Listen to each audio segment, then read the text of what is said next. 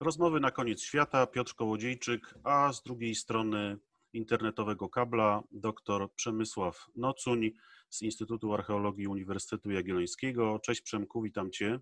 Cześć, dzień dobry, witam.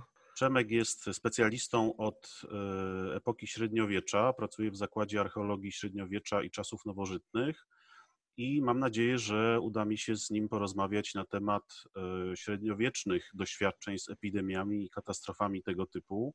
No, myślę, Przemku, że wszyscy znamy hasło czarna śmierć, czy termin, określenie czarna śmierć, e, ale nie wiem, czy wszystkim ono się dobrze kojarzy.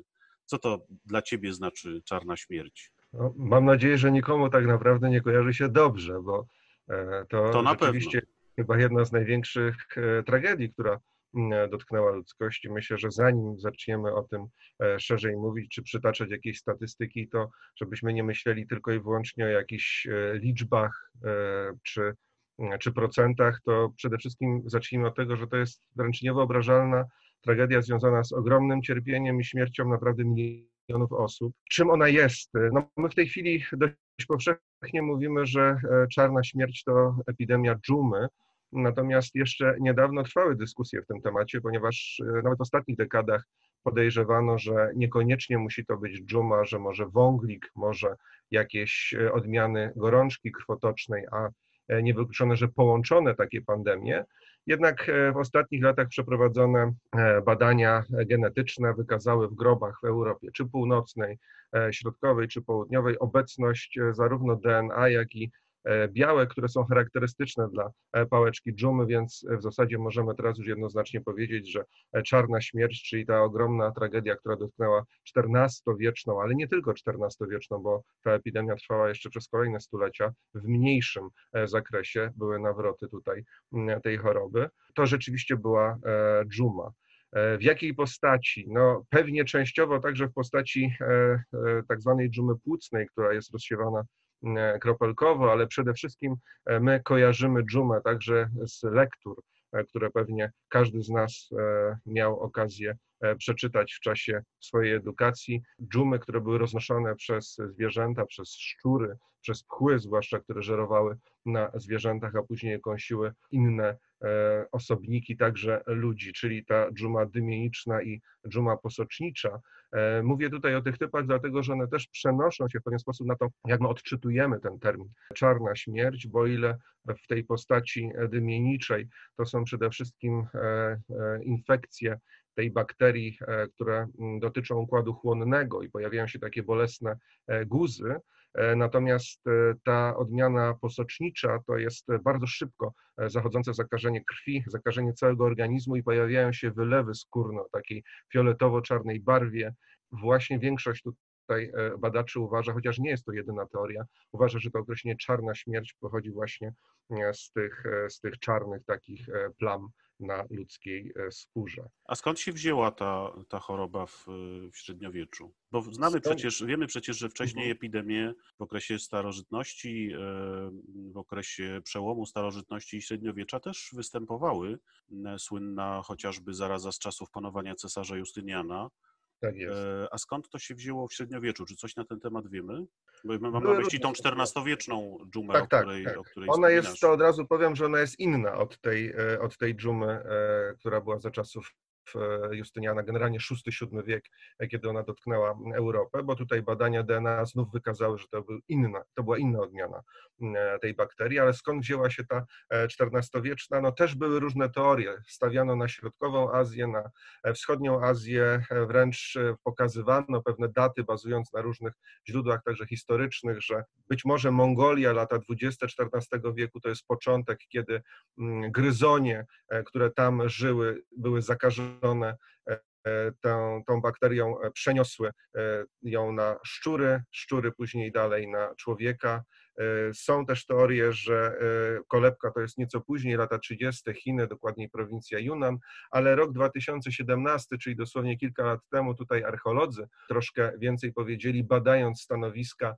na terenie Azji Środkowej, w dzisiejszym Kirgistanie. To są e, okolice jeziora Essykul, dokładnie Dolina Chu. Tam są cmentarzyska, cmentarzyska chrześcijańskie wschodniego kościoła syryjskiego, dokładnie mówi się, że to są cmentarzyska nestoriańskie i tam jest bardzo wiele inskrypcji, bardzo dobrze datujących te pochówki i wykazały, że jest niesamowity, ogromny przyrost zmarłych w roku 1338, 1339. Przeprowadzone badania genetyczne wykazały, że jest tam właśnie obecność e, bakterii dżumy. No i tutaj jest teoria, albo ten środkowa, ta środkowa Azja, ów Kirgistan, to już jest ten moment przesuwania się tej epidemii e, z Azji Wschodniej, ale być może ten, ta środkowa Azja powinna być wskazywana także jako kolebka. Kirgistan, Chiny, no to mamy jedwabny szlak, mamy bardzo ważne połączenie handlowe między Azją i Europą i prawdopodobnie e, tym jedwabnym szlakiem, czy jako kupcy, czy jak też mówią teorie, e, jako wojska, które się przesuwały i wraz z nimi wędrowała ta bakteria, dlatego że jeśli chodzi o Europę, to bardzo często podaje się tutaj rok 1347 i 1348 jako dwa takie najważniejsze zakażenia, e, które e, zostały czy do których doszło e, poprzez okręty genueńskie. Tutaj chodzi przede wszystkim o walki o Krym, o oblężenie Kaffy, czyli dzisiejszej Teodozji, i tutaj wojska Złotej Ordy pod wodzą Gianni Becca oblegały E, tę twierdzę genueńską, czy starożytne miasto, które zostało przebudowane przez Genueńczyków w twierdzę, zresztą Genueńczycy nadali Teodozji tę nazwę Kaffa i uważa się, że e, to właśnie przez Krym prawdopodobnie e, ta bakteria dotarła do Europy. Tutaj taka ciekawostka, przyjmuje się, powiem tak, to nie jest pewne, ale historycy przyjmują, że w ogóle podczas tego oblężenia wojska Złotej Ordy przerzucały przez mury twierdzy zwłoki osób zmarłych na dżuma, więc mielibyśmy jakby coś w rodzaju broni biologicznej no właśnie, tak. wykorzystanej. I tutaj są dwie takie ścieżki. Dość e, powszechna jest w literaturze przede wszystkim ta ścieżka dotycząca 1348 roku, stycznia, e, kiedy z obleganej Kafy uciekali Genueńczycy i e, dotarli do portów e, w Genui, oczywiście w Wenecji, w Pizie, zarażając tamte tereny. Później została ta flota odesłana do Marsylii, zarażając południową Francję i dalej, ale okazuje się, że to nie była pierwsza styczność z tą, z tą epidemią w basenie Morza Śródziemnego, w tej części w ogóle Morza Śródziemnego, bo w październiku 1347 2007 roku, czyli kilka miesięcy e, wcześniej, docierają także statki genueńskie na Sycylię, dokładnie do e, portu w Messynie. Mm, i wiemy, że tam już ta e, epidemia również się rozpoczyna, przerzuca się na Sardynię, Baleary, cały Półwysep Iberyjski, no i skoro mamy także te zakażenia we Francji, o których mówiliśmy, będzie się przesuwała dalej na Niemcy, na Skandynawię, na Ruś, aż jakby otoczy Europę, pozostawiając zaledwie kilka mm, takich niezarażonych niezarażonych obszarów, w tym co ciekawe również Polskę. No właśnie, ale jak to, jak to się stało, e, bo to też jest informacja, którą pewnie część z naszych y, słuchaczy gdzieś już, na którą pewnie część z naszych słuchaczy gdzieś już trafiło, że było kilka miejsc, do których ta epidemia nie dotarła, bo w każdym razie no nie w takim zakresie jak w większości e, krajów europejskich. Jak to się stało, że między innymi na, na terenach Polski nie było tej, tej strasznej zarazy, albo prawie nie było tej strasznej no, zarazy. Tu to jest rzeczywiście bardzo dobre pytanie. Nie wiem, czy jesteśmy w stanie udzielić na nie odpowiedzi. Bardzo mamy, ciekawe... mamy problem dzisiaj przecież z powstrzymaniem prze, prze, przemieszczania się przy, przy dzisiejszych środkach naszych medycznych i technicznych, a wtedy no, to się wydaje dość trudne do, do zapanowania nad, nad tym zjawiskiem, a jednak w paru miejscach się udało. Tak, są pewne teorie mówiące o tym, że być może była nawet jakaś izolacja zarządzona przez e, Kazimierza Wielkiego, no ale tutaj nie mamy jakby takich jednoznacznych danych, jednoznacznych informacji. Uważa się, że skoro e, to wędrówki jakby E, ludzi e, powodowały przenoszenie się e, tej bakterii, tej choroby, no to także największe zagęszczenia, największe skupiska ludności, główne szlaki handlowe, w tym momencie, kiedy mm, w tym momencie najważniejszym chyba jednak jest ten szlak północ-południe, czyli z północnej Italii biegnący przez Francję do Niderlandów czy przez Szwajcarię, E, do Niderlandów. I chyba tam ten handel główny e, był prowadzony, przez to tak szybko się ta bakteria e, roznosiła. Bardzo ciekawe jest to, że oprócz Polski także Mediolan i jego bezpośrednie otoczenie jest taką zieloną plamą na mapie tej epidemii, podczas kiedy rzeczywiście większość miast włoskich została bardzo dotkliwie mm, e, znaczy bardzo mocno dotknęła ją e, ta epidemia, bo my no, mamy pewne szacunki, które mówią, jak wielki to był odsetek zmarłych ludzi w tych miastach. To jest oczywiście bardzo trudne działanie historyków, bardzo skomplikowane metody, które mm, głównie bazują na jakichś analizach źródeł podatkowych, jeśli chodzi o miasta, no to to oczywiście dotyczyć może tylko tej ludności, której przysługiwało prawo miejskie, ale w tych włoskich miastach, takich jak Florencja, Siena, to około 50% mm, e, ludzi miało umrzeć na, e, na dżumę w tym czasie. Langwedocja, czyli południowa Francja, też silnie zurbanizowana, to jest 40 do, do 60%, ale bliżej nas, bo skoro właśnie mówimy, dlaczego Polski tego nie dotknęło, no to te szacunki są już niższe. E, Skandynawia wskazuje się, że to jest około 20%. Wielkie miasta hanzeatyckie, Lubeka 33%, Brema, tutaj mamy doskonałe źródła, bo mamy wręcz imienne listy osób, które zmarły, to jest około 7 tysięcy mm, osób. Uważa się, że to są ci, którzy znów byli objęci prawem miejskim, pewnie podobna liczba tych, którym to prawo nie przysługiwało i to daje również taki szacunek około 50%, ale nie jestem w stanie jednoznacznie powiedzieć, mm, dlaczego akurat Polski e, to nie, nie dotknęło.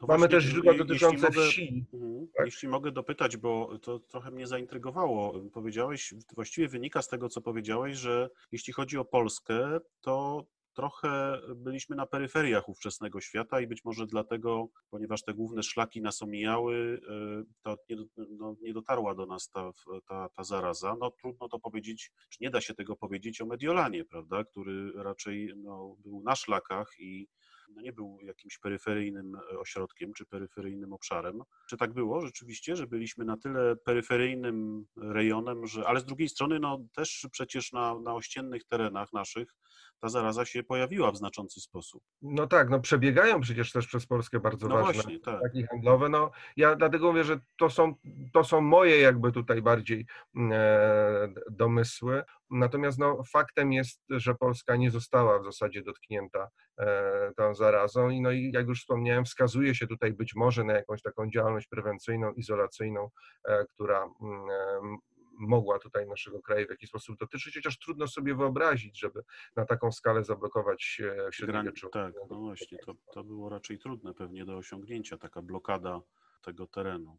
To ciekawe zjawisko. Czy jakieś badania na ten temat ktoś prowadzi? Wiesz coś na ten temat? Nie są, nie są mi niestety e, znane takie szczegółowe, e, szczegółowe badania. To jest, to jest też doskonałe pytanie jednak do historyków. Ja jako archeolog no tak. bazuję na, na pewnych e, danych. Nie mam tutaj tak szerokiego oglądu wszelkich badań, zwłaszcza tutaj historycznych, demograficznych, czy analizy jakichś dokumentów źródłowych, które mogłyby nam tutaj więcej informacji w tej kwestii przynieść. Czy ta zaraza, ta czarna śmierć, która, no jak jak się okazuje, ogarnęła większą część Europy. To było zjawisko e, jednorazowe, które gdzieś się zaczęło i później jak taka fala tsunami przelało się przez cały obszar Europy, czy ono e, zanikało i pojawiało się w różnych miejscach w różnych momentach. Niektórzy nawet mówią, że ta epidemia to tak trwała e, ponad jedno e, stulecie, dlatego że takich nawrotów było dużo, już lata nawet 50., 60. XIV wieku to są mniejsze, e, ale też jednak dotyczą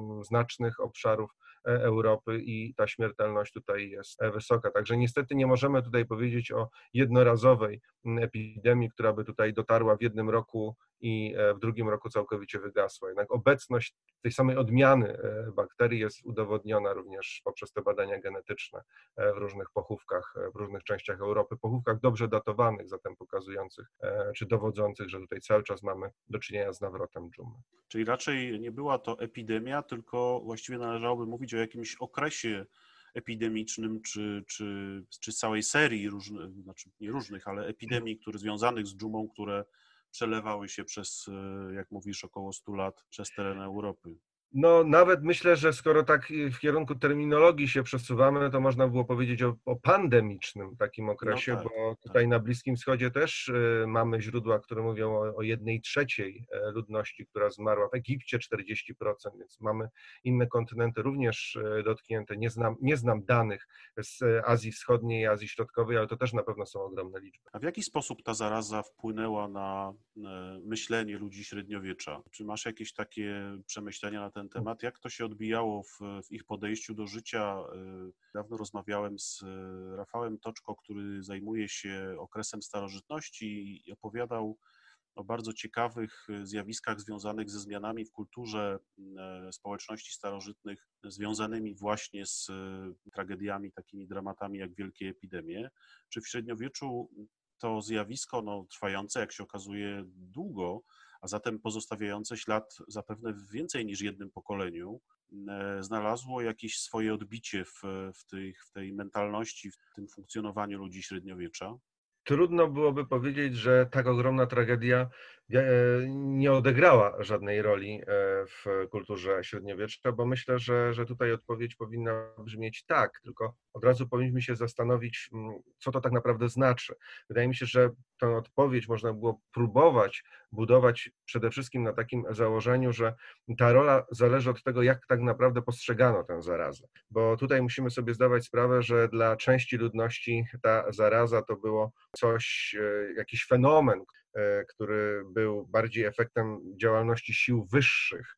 E, a więc tutaj odczytywano to jako no, pewnego rodzaju karę Bożą, i to musi mieć wpływ na ludność, na kulturę, i wydaje się, że to był jeden z takich najbardziej znaczących elementów, który wpłynął na w ogóle przemianę pobożności w średniowiecznej Europie. Mniej więcej do tego okresu mm, to jest e, taka religijność, która często jest e, określana jako religijność ekstrawertyczna, taka religijność ludowa, gdzie polega to wszystko na takiej zbiorowości, na obecności, na liturgii, na dość sporadycznym e, przyjmowaniu e, sakramentów, na oczekiwaniu spokojnym e, na śmierć, dlatego że ta śmierć przychodzi albo w starości, albo przychodzi po chorobie raczej długotrwałej, więc to zawsze daje możliwość na to, żeby w odpowiednim czasie zapewnić sobie obecność kapłana, przyjąć komunię i zapewnić sobie życie wieczne. Taka, takie podejście jakby religijne mieliśmy mniej więcej w tym okresie i nagle tutaj z nienacka śmierć staje się taką jak to gdzieś kiedyś przeczytałem, taką siłą czyhającą na człowieka, która atakuje ogromną e, grupę ludzkości, atakuje e, bardzo nagle i wymaga zmiany tutaj, bo my nie damy e, sobie szansy na zbawienie poprzez e, takie działania, jakie miały miejsce e, wcześniej. Uważa się, że tutaj pojawia się wtedy takie przekonanie, że każdy człowiek indywidualnie pracuje na e, swoje zbawienie. To jest takie określenie tutaj devocio moderna, taka wielka zmiana w tej pobożności. Wzrasta nam, czy zmienia się także podejście do do świętych, jest wzrost wiary w orędownictwo świętych, pojawia się kult um, takich świętych jak Sebastian, jak święty Roch, ale także święta Barbara, Katarzyna, czy nawet święty Krzysztof, który był takim świętym odpowiedzialnym za przejście z życia doczesnego e, w życie wieczne. Bardzo ważna staje się pokuta e, za grzechy. Ludzie umartwiają się e, indywidualnie, odbywają pielgrzymki, także tak zwane pielgrzymki pokutne. Pojawia się kult e, ran Chrystusa, e, kult e, narzędzi męki pańskiej, kontemplacja hostii jako ciała E, Chrystusowego. Tutaj w archeologii mogę podać taki e, ciekawy przykład, archeologia prawna, która dotyczy między innymi takiego zwyczaju prawnego stawiania kamiennych krzyży pojednania, czasami nazywanych krzyżami pokutnymi na Śląsku, gdzie zabójca mógł uniknąć kary, e, kiedy wypełnił sporo warunków, między innymi zapłacił główszczyznę, ale tutaj częstym takim warunkiem była pielgrzymka właśnie pokutna. To mogła być pielgrzymka do Akwizgranu, do Rzymu, ale bardzo często pojawia się w źródłach pielgrzymka do Wilsnak. To jest jest e, niewielki ośrodek, który zasłynął krwawiącą hostią, wschodnio-niemiecki taki ośrodek i wiemy, że ten kult e, tej kostii był przeogromny. E, w ogóle kult relikwii w tym okresie pojawia się na, na przeogromną skalę ta wiara i pobożność, oprócz tego, że dotyczy osób indywidualnych, jakby wykracza także poza taką sferę sakrum, sferę kościoła, dlatego że nagle nam się te świadectwa religijności pojawiają także w, innym, w innych miejscach. Mamy prywatne e, ołtarzyki domowe, mm, e, mamy te takie święte kąty, jakby, które w tej tradycji ludowej przetrwały przecież aż do XX wieku.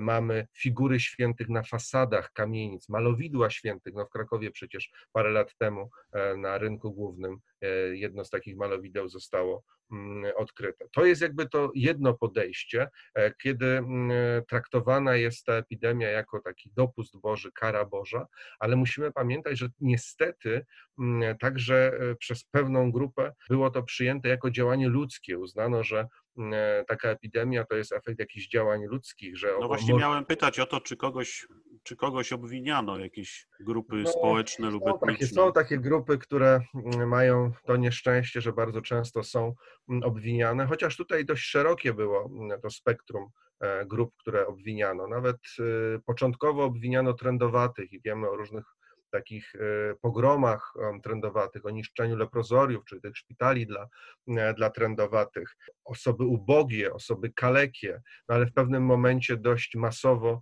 pojawiły się także pogromy Żydów, dlatego że tutaj pojawiły się informacje o tym, że to Żydzi właśnie mieli zatruwać studnie czy zatruwać źródła wody i przez to ta choroba się rozprzestrzeniała. Mm, w Szwajcarii mamy takie procesy, podczas których no, pod, mm, ze względu na zastosowanie tortur nawet wskazywano na główny ośrodek, e, na Toledo, gdzie miały być produkowane te, e, te, te, te trucizny, e, które później były w ten sposób prowadzone. Także niestety ta, to czasami przełożyło się także na pewnego rodzaju agresję, na takie agresywne postawy mas, na nienawiść do określonych grup społecznych i tak jak wspomniałem, to mogli być trendowaci, ubodzy, no ale to także byli Żydzi.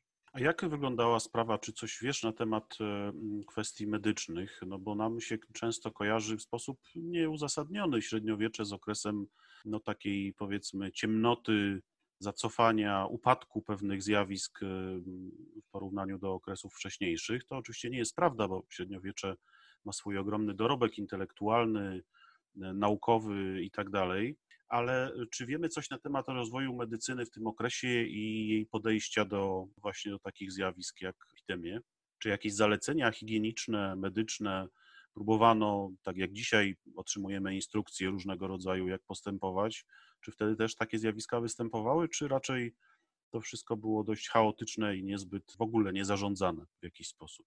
Nie wiem, czy będę w stanie tak kompleksowo i szczegółowo odpowiedzieć na to pytanie, natomiast musimy e, pamiętać, że to jest już okres działania uniwersytetów e, w Europie, gdzie medycyna jest e, obecna. Powstają liczne traktaty medyczne i tutaj akurat jeśli chodzi o epidemię dżumy, epidemię czarnej śmierci, mamy dość dużą liczbę, bo to jest co najmniej 20 takich traktatów, które powstały w kilku latach od wybuchu epidemii, ale generalnie to jest dużo większa liczba e, tego typu e, opracowań. Te traktaty medyczne e, nawet są traktowane jako jedne z pierwszych źródeł na Półwyspie Iberyjskim, które wskazują, że już w tym 1348 roku na początku była styczność z tą chorobą, skoro mamy opisy, bo te traktaty medyczne w pierwszej kolejności zawierają jakby opisy objawów tych chorób.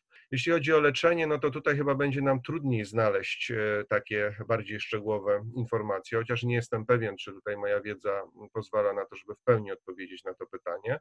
Mm, wiemy jednak z innych e, takich opracowań, że pewne działania e, podejmowano. No, na pewno stosowano różnego rodzaju medykamenty, takie panacea jak driakiew, która no, od czasów antycznych funkcjonowała jako taki e, lek na wszystko. Wiemy, że w jakiś sposób starano się zapobiegać rozszerzaniu się tej choroby poprzez skrapianie octem czy płukanie octem monet, skrapianie dokumentów, listów, dezynfekowano osoby, które miały styczność z osobami zarażonymi tutaj związkami siarki przede wszystkim. E, wiemy, że palono ogniska na rogach ulic. Uważano, że różnego rodzaju dobra materialne należy także spalić, żeby się e, choroba nie rozprzestrzeniała. Mamy co prawda także takie bardzo szczegółowe opisy mówiące o leczeniu poprzez upusty krwi. Tutaj bardzo często wskazywano, że ta krew powinna być upuszczana jakby po tej stronie ciała, po której występują mm, te bąble, pęcherze, e, główne objawy. W późniejszym czasie pojawiają się także nowe medykamenty, już wspomniałem o tym kulcie świętych, o kulcie świętego Rocha i mamy takie zglinki, wykonywane pigułki świętego Rocha, które miały tutaj pomagać nie tylko na dżumę, ale inne jakby choroby mm, też. Natomiast ja w tym momencie chciałbym jeszcze skorzystać z tego, żeby powiedzieć no, także co, co nieco o lekarzach, bo ja wspominałem o różnych e, procentach. No właśnie, to też ciekawa sprawa. Jest duża śmiertelność, to mamy, to są jedne z danych, które e, znamy, no jednak lekarze, ale także zakonnicy, e, to są te osoby, które miały największą styczność, pierwszą często styczność z tymi osobami chorymi i tutaj z dokumentów głównie francuskich, wynika, że ta śmiertelność rzeczywiście była bardzo wysoka, w granicach 80-90%. Także mm, legiści, ci, którzy spisywali testamenty, bo ludzie zabezpieczali się przed śmiercią często, już będąc zarażonymi, to także była taka grupa, gdzie odsetek śmiertelności był wtedy bardzo wysoki.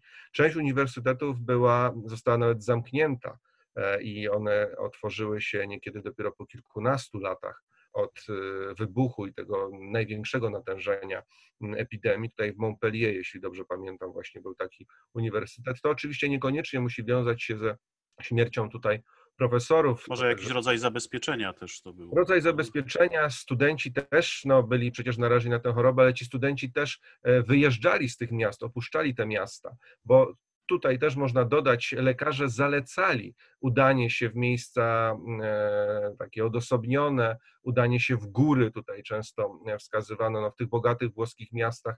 Mieszczaństwo posiadało takie majątki i wiemy choćby z Dekameronu Boccaccia, gdzie dość szczegółowo różne zachowania Florentyńczyków e, są opisane, że część tych najbogatszych właśnie w taki sposób robiła, że wraz ze służbą miasto opuszczała i przenosiła się do takich swoich majątków gdzieś e, wyżej w górach. A jak e, ekonomia ówczesnego, ówczesnej Europy poradziła sobie z tą, z tą zarazą? Czy to w ogóle wpłynęło w jakiś znaczący sposób na no, bardzo długi okres, jak rozumiem, niepokojów, problemów różnego rodzaju?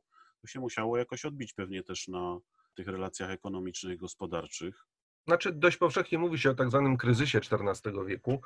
To jest kryzys taki tak, tak, wieloskładnikowy, no ale także te mm, zmiany gospodarcze tutaj mm, są. Jeśli chodzi o archeologię, to może jakby zacznę od tego, co my jesteśmy w naszych badaniach archeologicznych e, często zauważyć. No w ostatnich dekadach rozwija się dość mocno archeologia wsi, zwłaszcza opuszczonych wsi, tych pustek e, po wsiach, e, co dowodzi, że bardzo duża liczba e, miejscowości znika. One są nawet w źródłach często określane jako wistungi czy pustki, a więc miejsca, które zostały opuszczone. Tutaj albo ludzie e, zmarli, albo ludzie niekiedy ze względu na brak możliwości tutaj jakiegoś działania gospodarczego po prostu opuszczali te miejsca, uciekali do miast, które miały im dawać jakąś większą szansę, szansę przetrwania. No jeśli założymy, że między 30 a 40% e, ówczesnych Europejczyków zmarło na epidemię czarnej śmierci, no to to jest ogromny, e, ogromna strata, ogromny deficyt osobowy, który musi być dostrzegalny e, w gospodarce. To zapewne wpłynęło także na nieco szybsze przemiany w ogóle w gospodarce, które zostały już zapoczątkowane wcześniej, bo już o syłku XII wieku i w XIII wieku my widzimy taką działalność wiążącą się z jakąś produkcją, zwłaszcza w tych bogatych e, miastach, które ściągały e, ludzi e, z wiosek. Zmniejsza się wartość ziemi w średniowieczu. To też niekoniecznie jest efekt oczywiście tylko i wyłącznie epidemii czarnej śmierci, bo tutaj mamy dość wyraźne zmiany klimatyczne w XIV wieku. Wylewy rzek dość liczne są w Europie dostrzegalne. Także oprócz spadku wartości ziemi. Mamy też e, z takich badań, które były prowadzone w zasadzie dla całej Europy, informacje na temat spadku rentowności gleb, a więc te uprawy są coraz e, mniejsze, ale następuje także w ogóle przerzucenie się z tego takiego modelu jeszcze, można powiedzieć, e, feudalnego, odpracowywaniu pewnych danin, całkowite jakby przejście do e, gospodarki towarowo-pieniężnej. No to też jest ogromna, ogromna e, zmiana tutaj. E, rolnictwo jest coraz bardziej zamieniane na hodowlę. Tutaj te puste tereny e, mogą przy mniejszym nakładzie pracy, także mniejszym nakładzie osób, e, to rolnictwo może zostać zastąpione poprzez hodowlę. Także troszkę odszedłem może od tego pytania, ale chcę wskazać, że oczywiście, że e, czarna śmierć ma ogromny wpływ na te przemiany gospodarcze, ale tutaj musimy zwrócić uwagę na zdecydowanie większą liczbę czynników, gdzie owa czarna śmierć pewnie Była przyspieszyła procesy. Tak, była jednym z wielu. Nie można tego traktować w żaden sposób jakby jednowymiarowo, to musiało być wiele jakichś takich e, procesów, które po prostu połączyły się, a ta czarna śmierć i, i ogromny deficyt e, ludnościowy w Europie musiał te działania po prostu przyspieszyć. A relacje feudalne, czy one jakoś też uległy przemianom na skutek tych, tych zjawisk? Czy to wpłynęło jakoś na ten, na ten średniowieczny świat w ten sposób, zmieniając to też, właśnie To też chyba musimy tak troszkę patrzeć na różne obszary Europy nieco inaczej. Akurat nasza część Europy, ta kolonizacja tutaj jest największa w XIII wieku i na początku XIV wieku, z tym, że u nas, jeśli popatrzymy na Śląsk, na Wielkopolskę, no to od razu jest ta gospodarka już towarowo-pieniężna. My tutaj nie mamy tego modelu, który jest e, w taki bardziej ewolucyjny sposób e, przekształcany, czy przekształca się na terenie Europy Zachodniej. Ten feudalizm w tym momencie już nie patrzy na, na nadania ziemskie, bo to jest przede wszystkim jakby ten element, który dotyczy systemu feudalnego, ale rozumiem, że tutaj myślimy bardziej o gospodarce, więc tak. o, tym, o tym rolnictwie. No to powrócę do tego, co powiedziałem przed momentem. E, ta całkowita przemiana E, przejście do gospodarki towarowo-pieniężnej to w zasadzie jest odejście już od tych e, elementów, czy, czy charakterystycznych w zasadzie elementów tej takiej średniowiecznej, wcześniejszej gospodarki no, feudalnej. Ale mam też na myśli relacje no, pomiędzy ludźmi zamożnymi, wpływowymi, posiadającymi pewne możliwości chociażby zabezpieczania swojego majątku, a do tego majątku przecież należeli także inni ludzie, którzy mieszkali w wioskach, w osadach produkcyjnych. Czy tutaj te relacje jakoś czy w ogóle taki temat jak relacje społeczne w dobie czarnej śmierci jakoś jest w nauce, funkcjonuje, czy raczej jest to tylko jakiś element szerszego obrazu, który się czasem pojawia lub nie w różnego rodzaju opracowaniach? Zapewne funkcjonuje, natomiast nie wiem, czy z tej perspektywy archeologa jestem tutaj w stanie e, dużo na ten temat e, powiedzieć. Natomiast na, na, pewno trzeba, trzeba jeszcze może do, dodać do tego, co e, przed chwilką wspomniałem. E, faktycznie zmienia nam się, e, zwłaszcza w Europie Zachodniej, to podejście, czy w ogóle rola szlachty. To już nie jest to rycerstwo, to jest coraz bardziej ziemiaństwo, to są coraz większe majątki ziemskie. Tutaj także wchodzi dość mocno kapitał patrycjatu miejskiego, coraz większy wolny kapitał jest przez nich inwestowany również w tą gospodarkę na zewnątrz.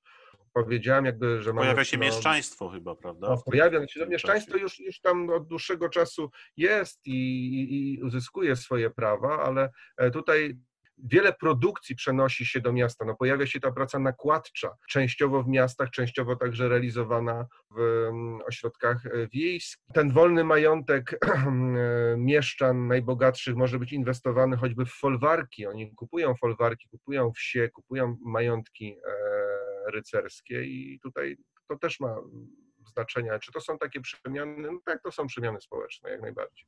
Zastanawiam się, wiesz, nad, jedną, nad jednym takim problemem, który się wiąże trochę z, twoją, e, z Twoimi dotychczasowymi działaniami i osiągnięciami. Jesteś autorem e, takiego ważnego przedsięwzięcia związanego z badaniami i przywróceniem pamięci o jednym z dolnośląskich zabytków, tak zwanej wieży książęcej w Siedlęcinie i tym chyba najważniejszym czy najcenniejszym, e, można powiedzieć, elementem tego obiektu jest malowidło przedstawiające legendę o arturiańską legendę o Sir Lancelocie z jeziora.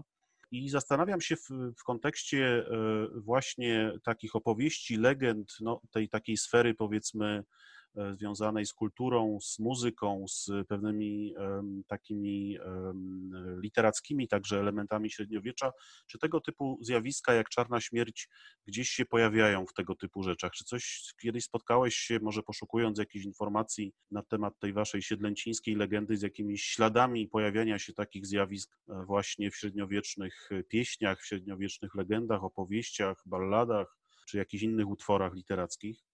To jest takie pytanie, na które postaram się w taki troszkę szerszy sposób mm, odpowiedzieć, bo nie wiem, czy jestem w stanie odnieść się bezpośrednio do Siedlęcina. Oczywiście tam jest legenda arturiańska, ona jest bardzo wyjątkowa, natomiast nieopodal e, w kościołach mamy takie cykle dotyczące święt po czarnej śmierci w Europie, tak jak wspomniałem, zmienia się nam ta pobożność, dochodzi do pewnego rodzaju jakby oswajania śmierci i tutaj trudno nie zauważyć, że w sztuce pojawia się taki mm, motyw e, tańca śmierci, dance macabre, e, dlatego że ta śmierć jest początkowo przedstawiana jako zmarły, potem już jako szkielet, i mamy bardzo częste takie przedstawienia, czy coraz częstsze przedstawienia owych tańców śmierci, gdzie mamy żywych w kontakcie ze zmarłymi, ale co jest bardzo ważne i to też może być pewnego rodzaju część odpowiedzi na Twoje wcześniejsze pytanie, mm, jest równość wobec śmierci, dlatego że w tych tańcach śmierci mamy przedstawicieli różnych stanów przemieszanych, którzy przez tą śmierć są, e, są e, wzywani czy zapraszani, w cudzysłowie oczywiście, do tańca. Mamy pewnego rodzaju taki symbol niwelacji e, nierówności społecznych. Mamy tutaj oprócz takich przedstawień, mamy także twórczość literacką, mamy różne odmiany rozmów człowieka e, ze śmiercią. No my tutaj w Polsce często mówimy o dialogu mistrza Polikarpa ze śmiercią. To jest oczywiście dzieło późniejsze, ale bazujące na e, łacińskim oryginale XIV-wiecznym, który właśnie taką taką rozmową e, jest. Oprócz przedstawień tego tańca śmierci też mamy e, często przedstawienia e, osób umierających. Pojawia się takie określenie jak ars moriendi czy ars bene moriendi, a więc sztuka umierania, sztuka dobrego umierania. I tak jak wspomniałem, to są również przedstawienia ikonograficzne. Co ciekawe, w XV wieku upowszechniają się wręcz takie podręczniki, które mówią, jak należy się zachowywać, żeby na tym łożu śmierci e, wywalczyć dla siebie zbawienie, bo też wtedy wierzono, że do tego sądu dochodzi właśnie na łożu śmierci. Te przedstawienia często pokazują duszę w postaci takiego małego człowieczka wychodzącego z ust e, zmarłego i walkę diabłów i aniołów o to, kto ową e, duszę przejmie. To jest też taki ciekawy krakowski wątek, dlatego że no, Teraz już raczej uważa się, że nie, ale dość długo e, uważano, że to dzieło Ars Moriendi, jeden z takich właśnie przewodników e, dobrej śmierci, jest dziełem e, Mateusza z Krakowa. To był profesor teologii na Uniwersytecie Praskim, to był później biskup Wormacji, jeszcze również funkcjonował jako rektor Uniwersytetu w Heidelbergu, więc znakomita postać, którą, tak jak wspomniałem, kiedyś utożsamiano z autorem tego Ars Moriendi, teraz uważa się, że to jest jednak mylnie przypisywane mu autorstwo, mm, autorstwo tego dzieła. Także troszkę odszedłem od Siedęcina, w którym no, mamy tę legendę arturiańską, mamy także przedstawienie świętego Krzysztofa, bardzo ważnego świętego i mamy taką scenę dwóch par rycerza i mężatki, rycerza i panny ponad grobami zmarłych, a więc też jakieś takie elementy, które można wiązać z tym oswajaniem śmierci są tam obecne. No właśnie, bo śmierć y, rzeczywiście zrównywała, zrównuje wszystkich, kiedy, kiedy po człowieka przychodzi. I pytałem wcześniej o te relacje społeczne, o te relacje feudalne, bo myślę, że takie masowe doświadczenia związane ze śmiercią, y, tak jak mówiłeś, w niektórych miejscach Europy, no to połowa ludności padała ofiarą e, choroby, zarazy. No, w niektórych nawet więcej. No. Uważa się, że część Francji, Włochy E, to, to 70-80% nawet. To są rzeczywiście tak ogromne spustoszenia w niektórych rejonach Europy. To no, uśrednienie to jest to 35 powiedzmy procent, natomiast no, skoro po jednej stronie może być kilkanaście procent do 20, no to e, również musi nam się przesunąć tutaj ta wartość do bardzo wysokich w niektórych rejonach. No tak, to musiało wpływać na relacje społeczne, ale nie mamy, e, czy nie spotkałeś się gdzieś z informacjami na temat tego, czy ta śmiertelność była w różnych miejscach wyższa, na przykład wśród biedoty, czy, y, a, a bogatsi w jakiś sposób byli bardziej bezpieczni, czy nie miało to tutaj znaczenia, bo jedni i drudzy tak samo łatwo padali ofiarami y, choroby? Takich danych w, w postaci dokumentów mieć nie będziemy, dlatego że te źródła, o których wspomniałem, głównie dotyczą albo mieszczan, którym przysługiwało prawo miejskie. Na niektórych terenach, to głównie chodzi o Anglię, mamy informacje dotyczące e, wsi, ale już z tych dzieł literackich wspomnianego choćby Boccaccia, tu możemy e, odczytywać takie informacje, że jednak bogaci uciekali, bogaci się izolowali, zamykali w swoich pałacach, w swoich domach. E, na pewno bardziej narażona tutaj była, e, była biedota. Skoro niekiedy zamykano miasto i nie wpuszczano ludzi z zewnątrz do środka, no to też ci, którzy nie byli w stanie wejść, zapewne właśnie ci, ta biedota, czy ci wędrujący, bo w tym czasie pojawia się też takie zjawisko ogromnych czy dużych e, grup ludzkich, które wędrowały po prostu przez Europę, zapewne też roznosząc e, epidemię dalej. Czy te wszystkie zjawiska, o których e, mówiłeś, wpłynęły w jakiś sposób na zmiany, które nastąpiły pod koniec średniowiecza, na początku renesansu? Czy, czy, czy można powiedzieć, że to był jakiś wstęp do no, tej całkowitej właściwie przemiany podejścia do, do, do funkcjonowania człowieka, która nastąpiła w okresie renesansu, do zmian także w kwestiach związanych z religią, do okresu reformacji, który przecież później nastąpił, czy czy tego typu e, no, skrajne doświadczenia, których doświadczali, czy których uczestnikami byli ludzie średniowiecza, doświadczenia no, dla nas przecież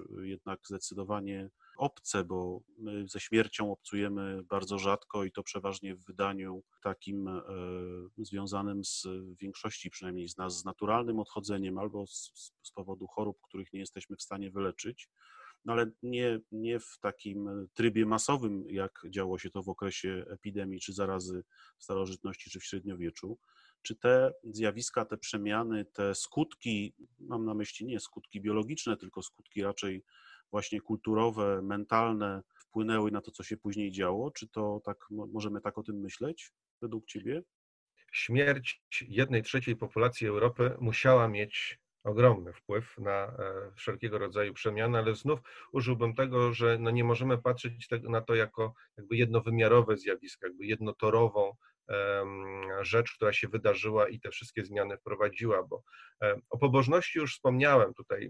To może mieć oczywiście znaczenie, ta pobożność taka właśnie indywidualna. W miastach zwłaszcza upowszechnia się coraz bardziej e, znajomość czytania, później będą też coraz pospolitsze, czy będzie coraz szerszy dostęp do e, tej literatury, do, do Biblii, no to przecież ma ogromne przełożenie na to, czym, czym będzie później reformacja, czyli ta, ta, ta devotion moderna, o której wspominałem, zapewne jest jakimś krokiem w kierunku w kierunku reformacji. Natomiast myślę, że tutaj te, te przemiany to jest ogrom zdarzeń, które miały miejsce w XIV wieku. Tutaj musimy pamiętać o wojnie stuletniej pomiędzy e, Francją i Anglią. Musimy pamiętać o zjawiskach tak zwanej anarchii włoskiej, powstawaniu czy rozwijaniu się tych republik, tyranii e, w miastach e, włoskich.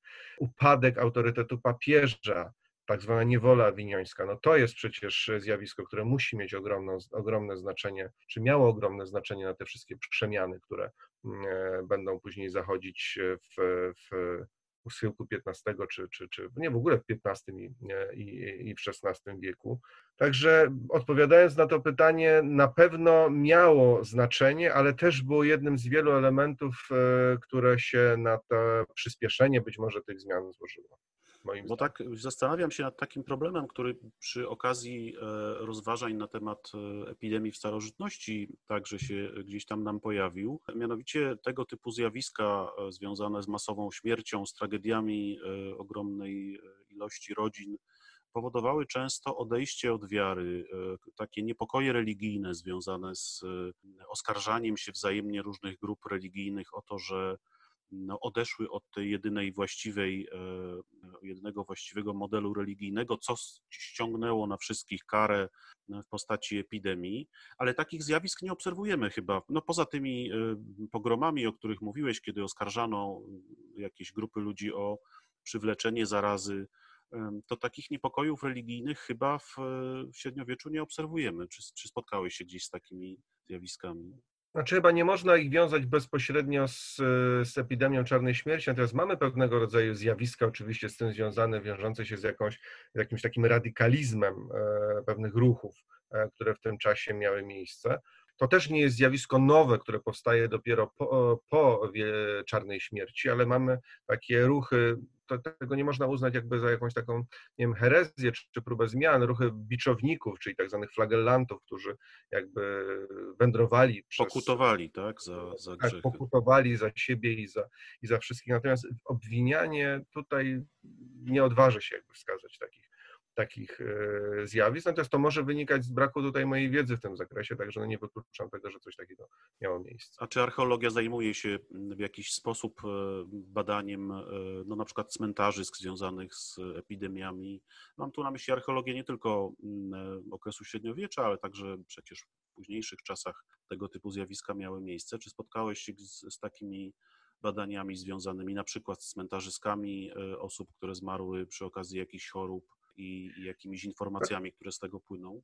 No jak najbardziej tak. No są duże badania e, cmentarzy miejskich i podmiejskich. Jeśli chodzi o takie badania prowadzone w Europie, to oczywiście natrafia się na, na takie pochówki. Pamiętajmy, że przy tych e, wielkich tragediach to, to też czasami były pochówki zbiorowe, w, e, wykopanych jakby na cel dużej liczby pochówków wielkich takich no, Tak, no właśnie, właśnie to miałem na myśli, czy ta, tego typu e, takie, takie, takie pojedyncze cmentarzyska były badane, no to choćby te dane, o których wspominałem, które miały, miały wskazać tutaj, czy to na pewno była dżuma, wiąże się no nie zawsze z odnalezieniem specjalnego takiego e, cmentarzyska, bo mamy co prawda cmentarze e, związane z zarazami, ale to są jednak częściej późniejsze cmentarze choleryczne, jak my to na nie mówimy, ale mamy jak najbardziej w Europie Zachodniej, Środkowej, Północnej uchwycone e, czy pojedyncze pochówki w obrębie e, cmentarzy, czy w ogóle e, miejsca pochówków osób, które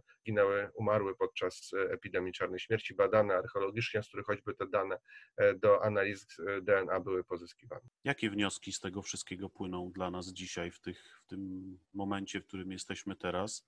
No nie możemy oczywiście porównać się do tak myślę, nie możemy jeszcze porównać tego, co się dzieje w Europie dzisiejszej do tych zjawisk związanych z zarazą średniowieczną czy z, czy z epidemiami w średniowieczu, ale nasuwają ci się jakieś wnioski z tego wszystkiego? Czy to jest jakiś model, który się pojawia, no, biorąc pod uwagę, że te epidemie przecież i w starożytności się pojawiały, i w średniowieczu, i w późniejszych nowożytnych czasach, wielokrotnie w różnych miejscach świata, często rzeczywiście zbierając e, bardzo duże żniwo osób zmarłych.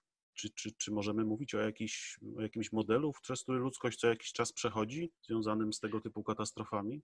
Wydaje mi się, że do tak dalekich jakichś takich spekulacji bym się, przynajmniej ja osobiście, nie posuwał. Oczywiście mm, dostrzegam pewne modele, ale to są po prostu modele biologiczne pojawiania się e, epidemii. No, to też są epidemie o różnym charakterze, to mogą być choroby bardzo śmiertelne, to być choroby mniej śmiertelne. No my teraz też żyjemy w zupełnie innej rzeczywistości, także jeśli chodzi o przekazywanie informacji, ta informacja może wyprzedzać w znaczący sposób chorobę, więc jesteśmy się w stanie e, troszkę inaczej e, przygotować. No może Myślę, kreować że... pewne zjawiska, których y, chyba w tamtych czasach y, nie było, a przynajmniej nie, nie mogły się rozwijać z braku tych metod komunikacyjnych w taki sposób. No może. No i wiedzy e, także. No, wiedzy, wiedzy oczywiście, tak. Może kreować panikę, może kreować taką masową, prawda? No, tego typu e, zjawiska, które wtedy się nie mogły rozprzestrzeniać, bo nie dało się przez internet czy na ekranie telewizora szybko przekazać pewnych informacji. No, tak jak powiedziałem, ja akurat nie lubię spekulować. Ja mam nadzieję, że ten czas, e, ten, którego teraz doświadczamy, skończy się jednak szybko no i będziemy mogli z jakiejś tam perspektywy czasu ocenić też, jaki wpływ miał na, na, na społeczeństwo. Być może te pytania, które mi dzisiaj e, zadałeś dotyczące zjawisk sprzed kilkuset lat, będzie można odnieść do tego, w jaki sposób to wpływa na e, czy zmiany społeczne, czy generalnie jakieś przemiany gospodarcze obecnie. Tak? Jasne, ja też, ja Bardziej też nie, nie lubię spekulacji. Tego, jak to się... Mhm. Raczej chodziło mi o to, czy, czy my mamy jakąś, e, jako ludzkość, e, tak jak przekazujemy sobie z pokolenia na pokolenie różne elementy naszej kultury, czy przekazujemy sobie też pewną umiejętność radzenia sobie z tego typu wydarzeniami, no, nie mówię oczywiście o kwestiach technologicznych, y, które są oczywiste. No, dzisiaj mamy zupełnie inne warunki i instrumentarium niż mieli ludzie średniowiecza czy starożytności, ale czy też w obrębie naszej mentalnej konstrukcji znajdują się takie elementy związane z radzeniem sobie z tego typu zjawiskami, czy, czy to jest za każdym razem e, dla nas coś nowego. No dzisiaj oczywiście nie doświadczamy często tego typu zjawisk. Wtedy w czasach starożytnych czy, średnio, czy w średniowieczu były to właściwie, każde pokolenie miało swoją epidemię i swoje różne katastrofy. Dzisiaj jest to dla nas rzadkość. No i zastanawiam się, czy mamy jakąś taką e, mądrość wynikającą z tych stuleci różnych chorób, epidemii i innych katastrof, których ludzkość doświadczała, czy też za każdym razem jest to coś nowego, czego trzeba się nauczyć i, i właściwie z góry wiadomo, że ta wraz z odejściem tego pokolenia ta mądrość przepadnie i kolejne pokolenia znowu będą musiały, jeśli doświadczą tego typu zjawisk, będą musiały się uczyć. Nad tym się zastanawiam. Masz jakieś generalnie patrząc, patrząc na społeczeństwo jako na zbiorowość, to wraz ze śmiercią pokoleń czy osób, które doświadczają pewnych zjawisk, pewna wiedza wynikająca właśnie z tych, z tych doświadczeń znika. My oczywiście jesteśmy w zupełnie innej sytuacji niż ludzie średniowiecza czy ludzie to starzy, jasne, tak. bo my znamy przyczynę, my znamy ścieżkę, my szukamy metod, bo już sobie z podobnymi rzeczami radziliśmy w przeszłości. No ale jak popatrzysz na, na e, różne internetowe dyskusje, teorie, to można by właściwie z nich wywnioskować, że my nic nie wiemy, że my jesteśmy trochę jak ludzie właśnie sprzed epoki e, nowoczesnej nauki i też staramy się no, szukać tych odpowiedzi czasem w miejscach zadziwiających od wpływu E, nie wiem, kosmitów na naszą planetę, po różne kwestie związane z przepowiedniami religijnymi, poprzez oczywiście różne teorie spiskowe związane z działaniem ciemnych sił różnych na Ziemi, które no, miałyby rzekomo wpływać na ludzkość w taki czy inny sposób, po różne biologiczno-przyrodnicze, najdziwniejsze wyjaśnienia, które też często niewiele z nauką mają wspólnego. No i oczywiście ten nurt naukowy, badawczy, który szuka tej odpowiedzi w sposób e, oparty na metodzie naukowej, więc też myślę, że czasem e, to, to tak wygląda trochę jakbyśmy, mm, no mimo tego, że mamy tą wiedzę, oczywiście słusznie, jak słusznie e, podkreślasz, której nie mieli ludzie tamtych epok, to zachowujemy się jakbyśmy jej nie mieli. No ja zgodzę się w 100% z tym, co przed chwilą powiedziałeś i może tak tylko jeszcze dopowiem, że przecież ten brak wiedzy i powtarzanie błędów to nie dotyczy tylko epidemii. Gdybyśmy wyciągali wnioski z tego wszystkiego, co się w historii zdarzyło, no to wielu błędów nieodległej przeszłości czy teraźniejszości byśmy nie popełniali. Myślę, że, że to jest doskonała puenta naszej rozmowy i jednocześnie, e, ponieważ jesteśmy obaj archeologami, to myślę, że jest to doskonała e, informacja na temat roli takiej dyscypliny jak archeologia, którą reprezentujemy, a także innych dyscyplin naukowych, które zajmują się przeszłością człowieka, bo to dzięki nim właśnie możemy obserwować naszą przeszłość i próbować wskazywać na te wnioski i wyciągać te wnioski, pokazywać pewne zjawiska. No, czy my jako ludzkość korzystamy z tej wiedzy i próbujemy nie popełniać błędów naszych przodków, to już jest zupełnie inna sprawa, ale my jako badacze przeszłości, e, myślę, że się zgodzisz ze mną, próbujemy tej wiedzy, e, tą wiedzę na światło dzienne wydobywać i e, jej dostarczać. Zgadzam się w 100%. Bardzo Ci dziękuję za rozmowę. Życzę zdrowia, spokoju, no i żebyśmy jakoś przetrwali tą zarazę, która nas dopadła i wyszli z niej, no mam nadzieję, lepiej niż wyszli e, nasi przodkowie w średniowieczu. O tak, no to myślę, że tutaj z pewnością uda nam się jednak e, łatwiej pokonać tutaj tą epidemię. Ja również życzę zdrowia i wytrwałości i bardzo dziękuję.